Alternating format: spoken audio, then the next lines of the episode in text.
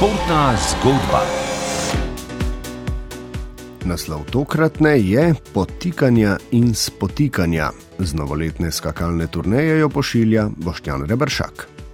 Prvih 12 mest na tretji tekmi novoletne skakalne turneje so zasedli skakalci zgolj štirih držav: Poljske, Norveške, Slovenije in Avstrije. Nemški skakalci so razočarani nad potekom turneje na robu deseterice v skupnem seštevku, ustrajale še Andreas Wellinger. Treneri štirih od petih vodilnih reprezentanc svetovnega pokala so Avstrici, torej stopale Slovenija z Robertom Hrgoto. In če bi pričakovali med rojaki strokovnjaki na določenem področju medsebojno spoštovanje in vsaj normalne odnose, če že ne sodelovanje, so odnosi med reprezentancami Nemčije, Poljske, Norveške in Avstrije na elektreni.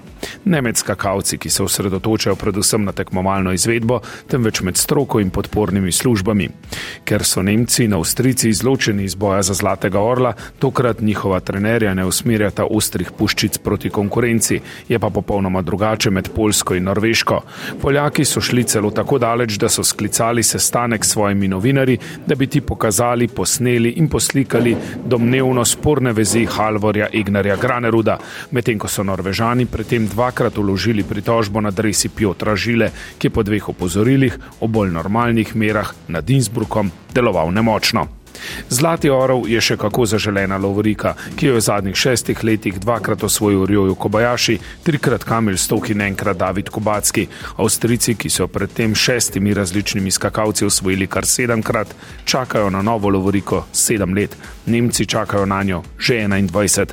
Tako na morebiten padec ob potikanju in spotikanju konkurence čaka Anžela Nišek, ki je v Bišovshofen pripotoval kot tretji skakalec turneje.